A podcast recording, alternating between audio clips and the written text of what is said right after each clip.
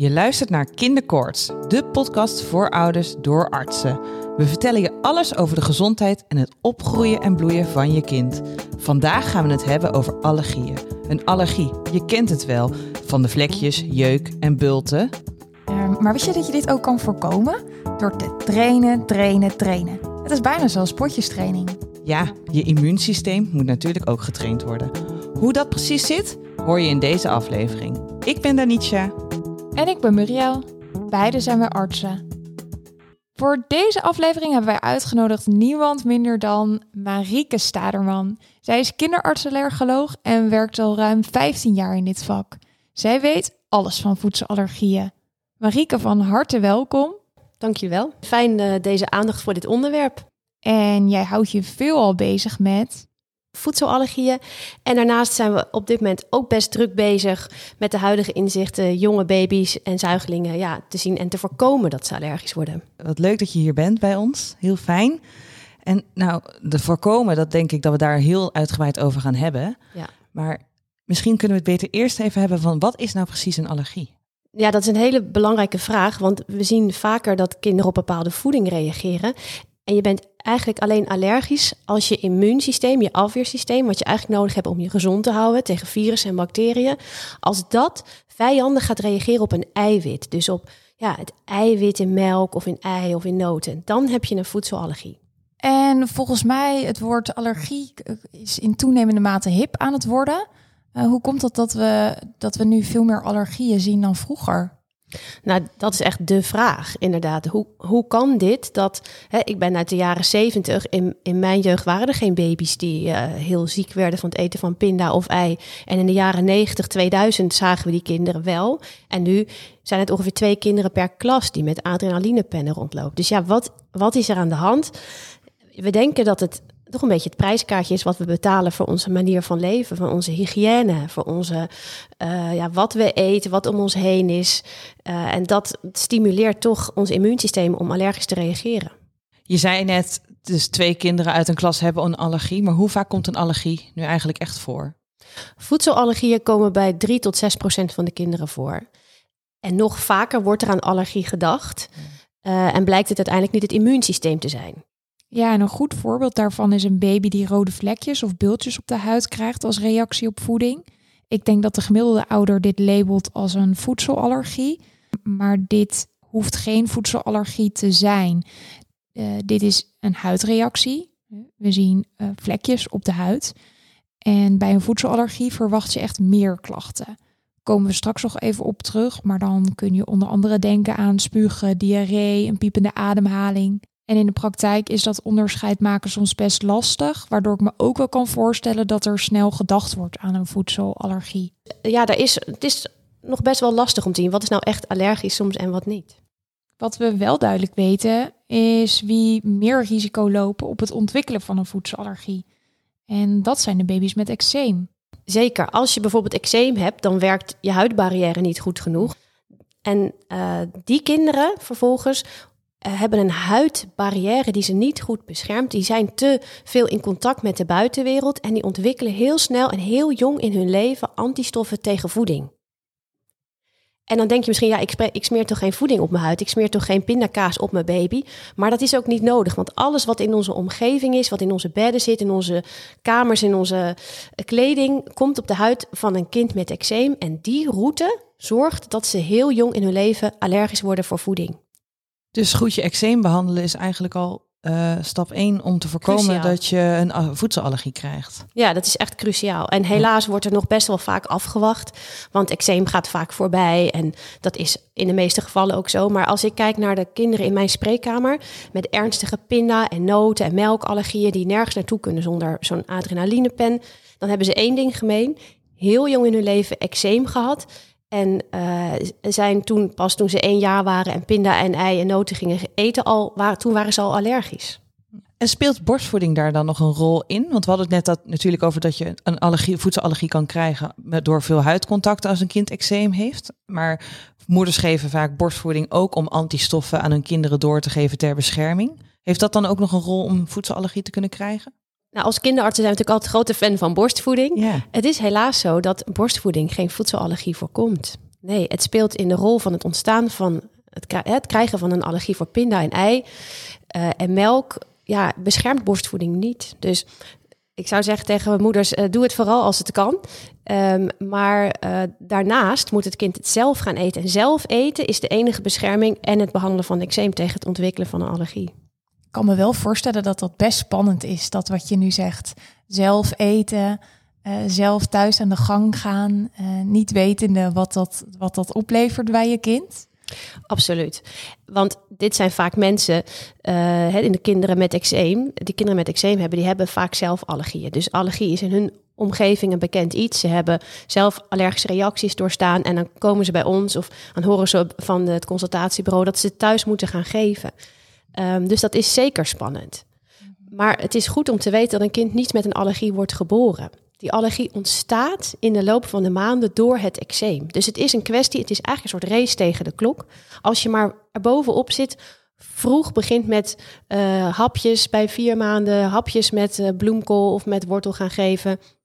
Eczeem goed behandeld als dat optreedt. En dan bij vier, vijf, zes maanden de eerste hapjes pindakaas erdoor doet zodra het kind echt geïnteresseerd is in eten, dan ben je de allergie voor. En vaak als je dit aan ouders uitlegt, uh, hè, en je kunt ze ook nog begeleiden daarbij, een schema's geven. Ja, dan help je ze heel vaak over de drempel. Want deze mensen weten ook heel goed hoe het is om allergisch te zijn. En zijn ook bereid veel te doen om dat te voorkomen. Nu hebben we het wel natuurlijk al over vroeg tijden beginnen met hapjes. Maar als je nog niet weet of je kind ergens allergisch is voor, uh, voor is of niet, waar moet je dan op letten? Waar, wat gaan we dan precies zien? We hadden het net al over rode vlekjes. Zien we nog meer? Bij een, voedselallergie zie je eigenlijk vrij snel klachten ontstaan nadat ze iets eten. Dus als een kind voor het eerst iets eet, kan die in principe allergisch reageren.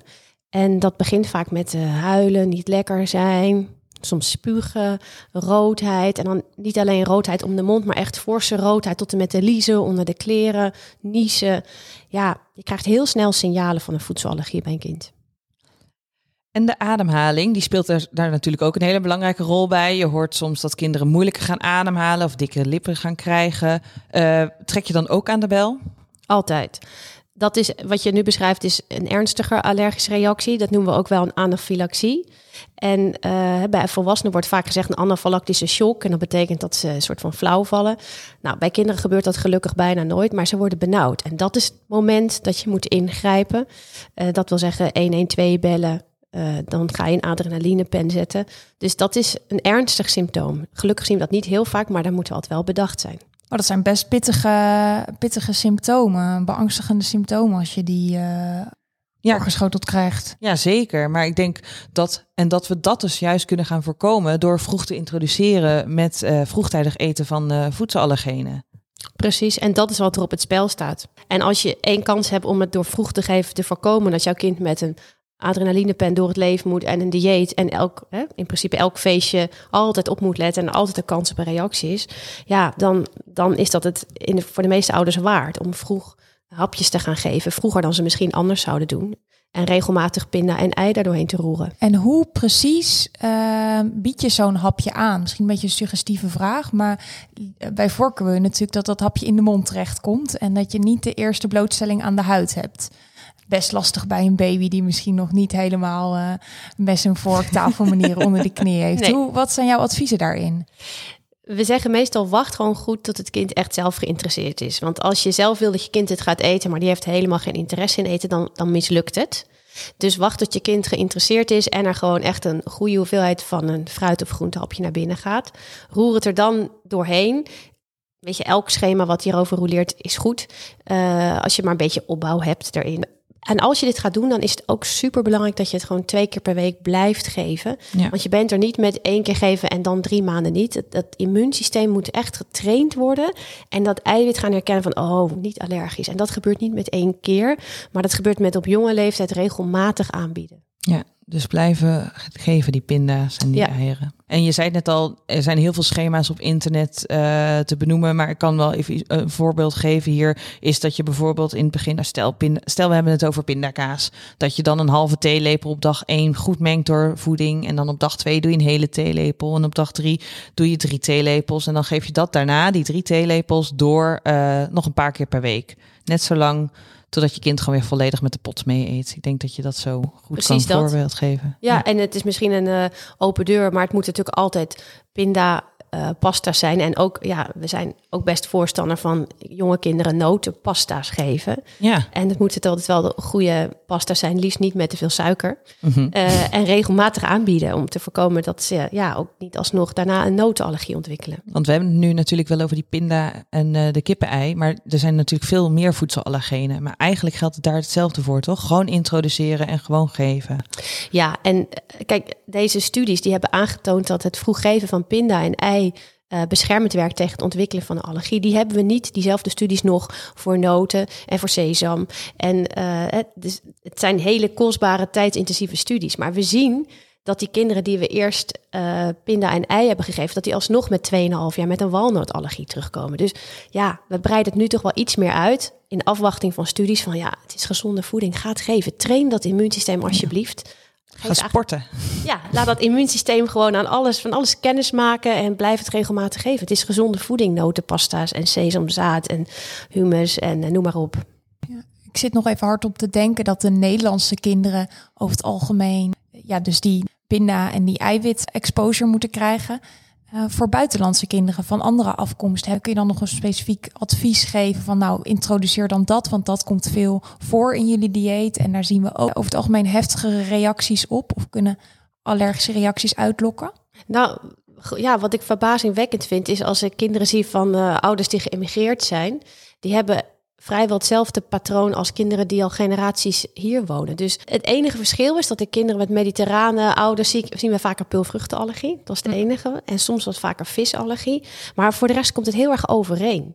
En het, het- ja, dat is natuurlijk super interessant. Want mensen die hun hele leven eh, in, in een Middellandse Zee eh, klimaat hebben gewoond en hier naartoe komen en die kinderen ontwikkelen in hetzelfde tempo eh, als, de, als de Nederlandse kinderen hier voedselallergieën, dan, dan zit het dus echt ook wel in de omgeving. Meer denken we dan in genen. En kun je over zo'n voedselallergie heen groeien? Kan je het kwijtraken? Ja, dat kan zeker. En gelukkig groeien de meeste kinderen over een ei-allergie heen. Mhm. Ook al kan het best lang duren. Ja. Ehm, eh, en wat je met ei ziet is dat eh, ja, ze soms eerder tegen de baked egg kunnen, noemen we dan. Dus dat ze eerder tegen cake kunnen of overschotels als dat ei helemaal verhit is geweest. ja, dan Ehm, gaat het er vooral over eh, om natuurlijk bij baked egg dat het lang in de oven op een hoge temperatuur heeft gestaan, toch? Ja, niet een gebakken ei, zeg maar. Ja, Dat is ja. hetzelfde als een gekookt ei. Eh, Ja. Ja, en dus het, kan, het duurt wel langer nu voordat ze er overheen groeien dan vroeger. En ze zijn nu soms pas zeven als ze er overheen groeien. En voor pinda ligt het wat ingewikkelder. Dus eh, ook een, een kind kan over een pinda-allergie pinda-allergie heen groeien. En in de jonge jaren kan dat ook nog wel regelmatig gebeuren. Maar er zijn ook heel veel kinderen die die pinda-allergie levenslang houden. En we hebben het nu over vollediger overheen groeien. Kan het ook minder worden? Dat je bijvoorbeeld wel een, eh, iets kan eten waarvan de verpakking vermeldt, eh, kan sporen bevatten van. Ehm, nou ja, daar stip je wel een heel relevant punt aan, waar ook ehm, waar we intussen van weten die, die sporen van en die verpakkingen en met die waarschuwing van gemaakt in een fabriek, waar daar trekken we ons eigenlijk überhaupt niks meer van aan, Hm. want dat is een hele lege waarschuwing. Let op de ingrediënten. Het moet bij de ingrediënten staan en verder is er altijd gewoon gezond verstand. Hè, dus als je een bakker hebt waar de hazelnoten al in de etalage liggen, dan ga je er gewoon niet naar binnen met je hazelnotenallergie. Maar om antwoord op je vraag te geven verder, ja, ja, een allergie kan uitdoven en iemand kan er vroeger benauwd van zijn geworden en nu één keer spugen of buikpijn eh, en alleen milde klachten op hebben. En ook interessant om, eh, voor mij is dat in ieder geval nieuw, dat, dat de verpakking dus, eh, dat je die milder mag nemen dan in dat opzicht. Dus dat je echt kijkt naar de ingrediëntenlijst en, en dat, dat dat leidend is. Ja, zeker. En eh, daar moet je eigenlijk meer op letten dan ooit, want er is best veel vegan voeding waar dan noten in zitten en dan is er chocolademelk gemaakt van cashewnoten en hebben, hebben mensen helemaal niet in de gaten dat ze dan noten drinken of eten. Dus ingrediënten zijn heel belangrijk om, om meer en meer te checken. Ja, dus check die ingrediënten en laat je niet afschrikken door dat label op een verpakking met kan sporen van noten of iets bevatten. Precies. Als ik jou zo hoor, Marieke, is een voedselallergie gelukkig goed te voorkomen. Met vroege introductie en trainen, trainen, trainen. Maar ik wil toch weer even terug inzoomen op die twee kinderen in die klas die wel die pinda, een kippenei-allergie of een andere voedselallergie, denk je bij een garnaal, sesam of noten, die dat wel hebben. Wanneer trek je nou aan de bel bij 112? Dus wanneer bel je die ambulance? Nou, doe dat vooral dus als je kind moeilijk gaat ademhalen, want dat is zeker een alarmsymptoom. Maar die rode huid en uh, jeukende huiduitslag, gaan we dan ook gelijk 112 bellen of zullen we dan maar gewoon naar de huisarts gaan? Zeker. En uh, maak ook altijd foto's hoe het er precies uitzag. Waar wij altijd op letten is, is het alleen om de mond heen wat roodheid en is het kind verder prima? Nou, dan is het vaak het eczeem. Wat betere behandeling nodig heeft. En als het wel echt een reactie is dat het kind toch over het hele lichaam plekjes heeft, roodheid, jeuk, dan ja, een enkele keer zien we al op hele jonge leeftijd al dat ze toch al allergisch reageren. En dan, ja, dan doen we het vaak nog een keer opnieuw in het ziekenhuis van is dit echt een voedselallergie? Voordat we een kind labelen van nou je mag het nooit meer eten. Willen we het echt heel zeker weten. Uh, en bij twijfel, we hebben hem net een paar keer genoemd, die adrenalinepen. Moet je die maar gewoon geven of denk je, nou, kan het kwaad als je hem geeft? Uh, het kan nooit kwaad. En ouders uh, van kinderen die een keer een ernstige reactie hebben gehad, die lopen met een adrenalinepen. En het is een, een wondermiddel bij allergische reacties. Dus het, het stopt in de meeste gevallen vrijwel direct de allergische reactie. Um, en ja, stel dat je twijfelt en je kind blijkt achteraf een virus te hebben en daardoor heel erg te spugen, dan ja, dan is er niks aan de hand. Dan heeft je kind uh, een klein beetje adrenaline, wordt misschien een beetje trillerig of een beetje hyper, maar dat is na een uur uitgewerkt. Um, dus er is nooit een reden om het niet te geven. Dus liever wel geven dan niet. Dan kom, voorkom je in ieder geval mogelijk toch die moeilijke, ernstige anafylactische reactie. Zeker. Ja. En we hadden natuurlijk net ook al even kort benoemd van ja, dan is een kind op een feestje. En dan moet je opletten als ouders. Want daar gebeuren meestal die ongelukjes hè, met een erge allergische reactie. Dat is vaak niet op school, want heel vaak weten scholen. In ieder geval, als ouder vertel je aan je school dat je kind een allergie heeft. Dus heel vaak gaat het daar goed. Ja, klopt. Er is een tractatiebak vaak. Dus thuis en op school en bij oma gebeurt het over het algemeen niet. En ook niet op de BSO, maar het gebeurt altijd net op die hele leuke momenten dat je even naar de ijssalon gaat of bij een vriendje blijft, blijft lunchen en een tosti krijgt met pesto erop. Het zijn die momenten die buiten de gewone dingen liggen en ook vaak leuk zijn voor kinderen. En om de nadruk nog eens op dat voorkomen, beter dan genezen te, te leggen. Dus om te voorkomen dat je hier allemaal komt, is, is ja, het moment dat het risico gaat lopen van voedselallergie is de baby met eczeem. Blijf gewoon niet met die baby met eczeem uh, aanmodderen en met een zalfje wat niet helpt. En dan na twee maanden terug naar de huisarts. Trek eerder aan de bel. Uh, ga meer smeren. Vraag meer hulp. Want dat elke maand dan een baby eczeem heeft, heeft hij meer kans om hierin terecht te komen. Maar een voedselallergie kun je voorkomen. Dat is denk ik de allerbelangrijkste les die we moeten trekken uit deze aflevering. Begin met vroege introductie van voedselallergenes, van pinda, kippen-ei, andere noten. Doe dit vooral op het moment dat je kind al geïnteresseerd is in voeding en bouw dit langzaam op en geef deze voedselallergenen gedurende de week totdat je kind weer volledig met de pot mee eet en het sowieso wel in zijn voedingsmiddelen krijgt. En door dat te voorkomen en eczeem, vergeet eczeem niet, goed te behandelen, is er een kleine kans dat je kind uiteindelijk alsnog een voedselallergie krijgt. En mochten die dan wel hebben, nou, er kunnen verschillende soorten klachten bij ontstaan van rode huiduitslag met jeuk, waarbij je naar de huisarts gaat of uh, een moeilijke ademhaling uh, met dikke lippen, trek dan vooral aan de bel bij 112. Ik denk dat dat een beetje de kern van deze aflevering is. Willen we jou van harte bedanken, Marike, voor jouw uh, tijd en duidelijke verhaal. Graag gedaan en fijn deze aandacht voor dit onderwerp. Dank je wel. En jullie luisteraars, bedankt voor het luisteren naar deze aflevering. Ik hoop dat jullie hier veel aan hebben gehad.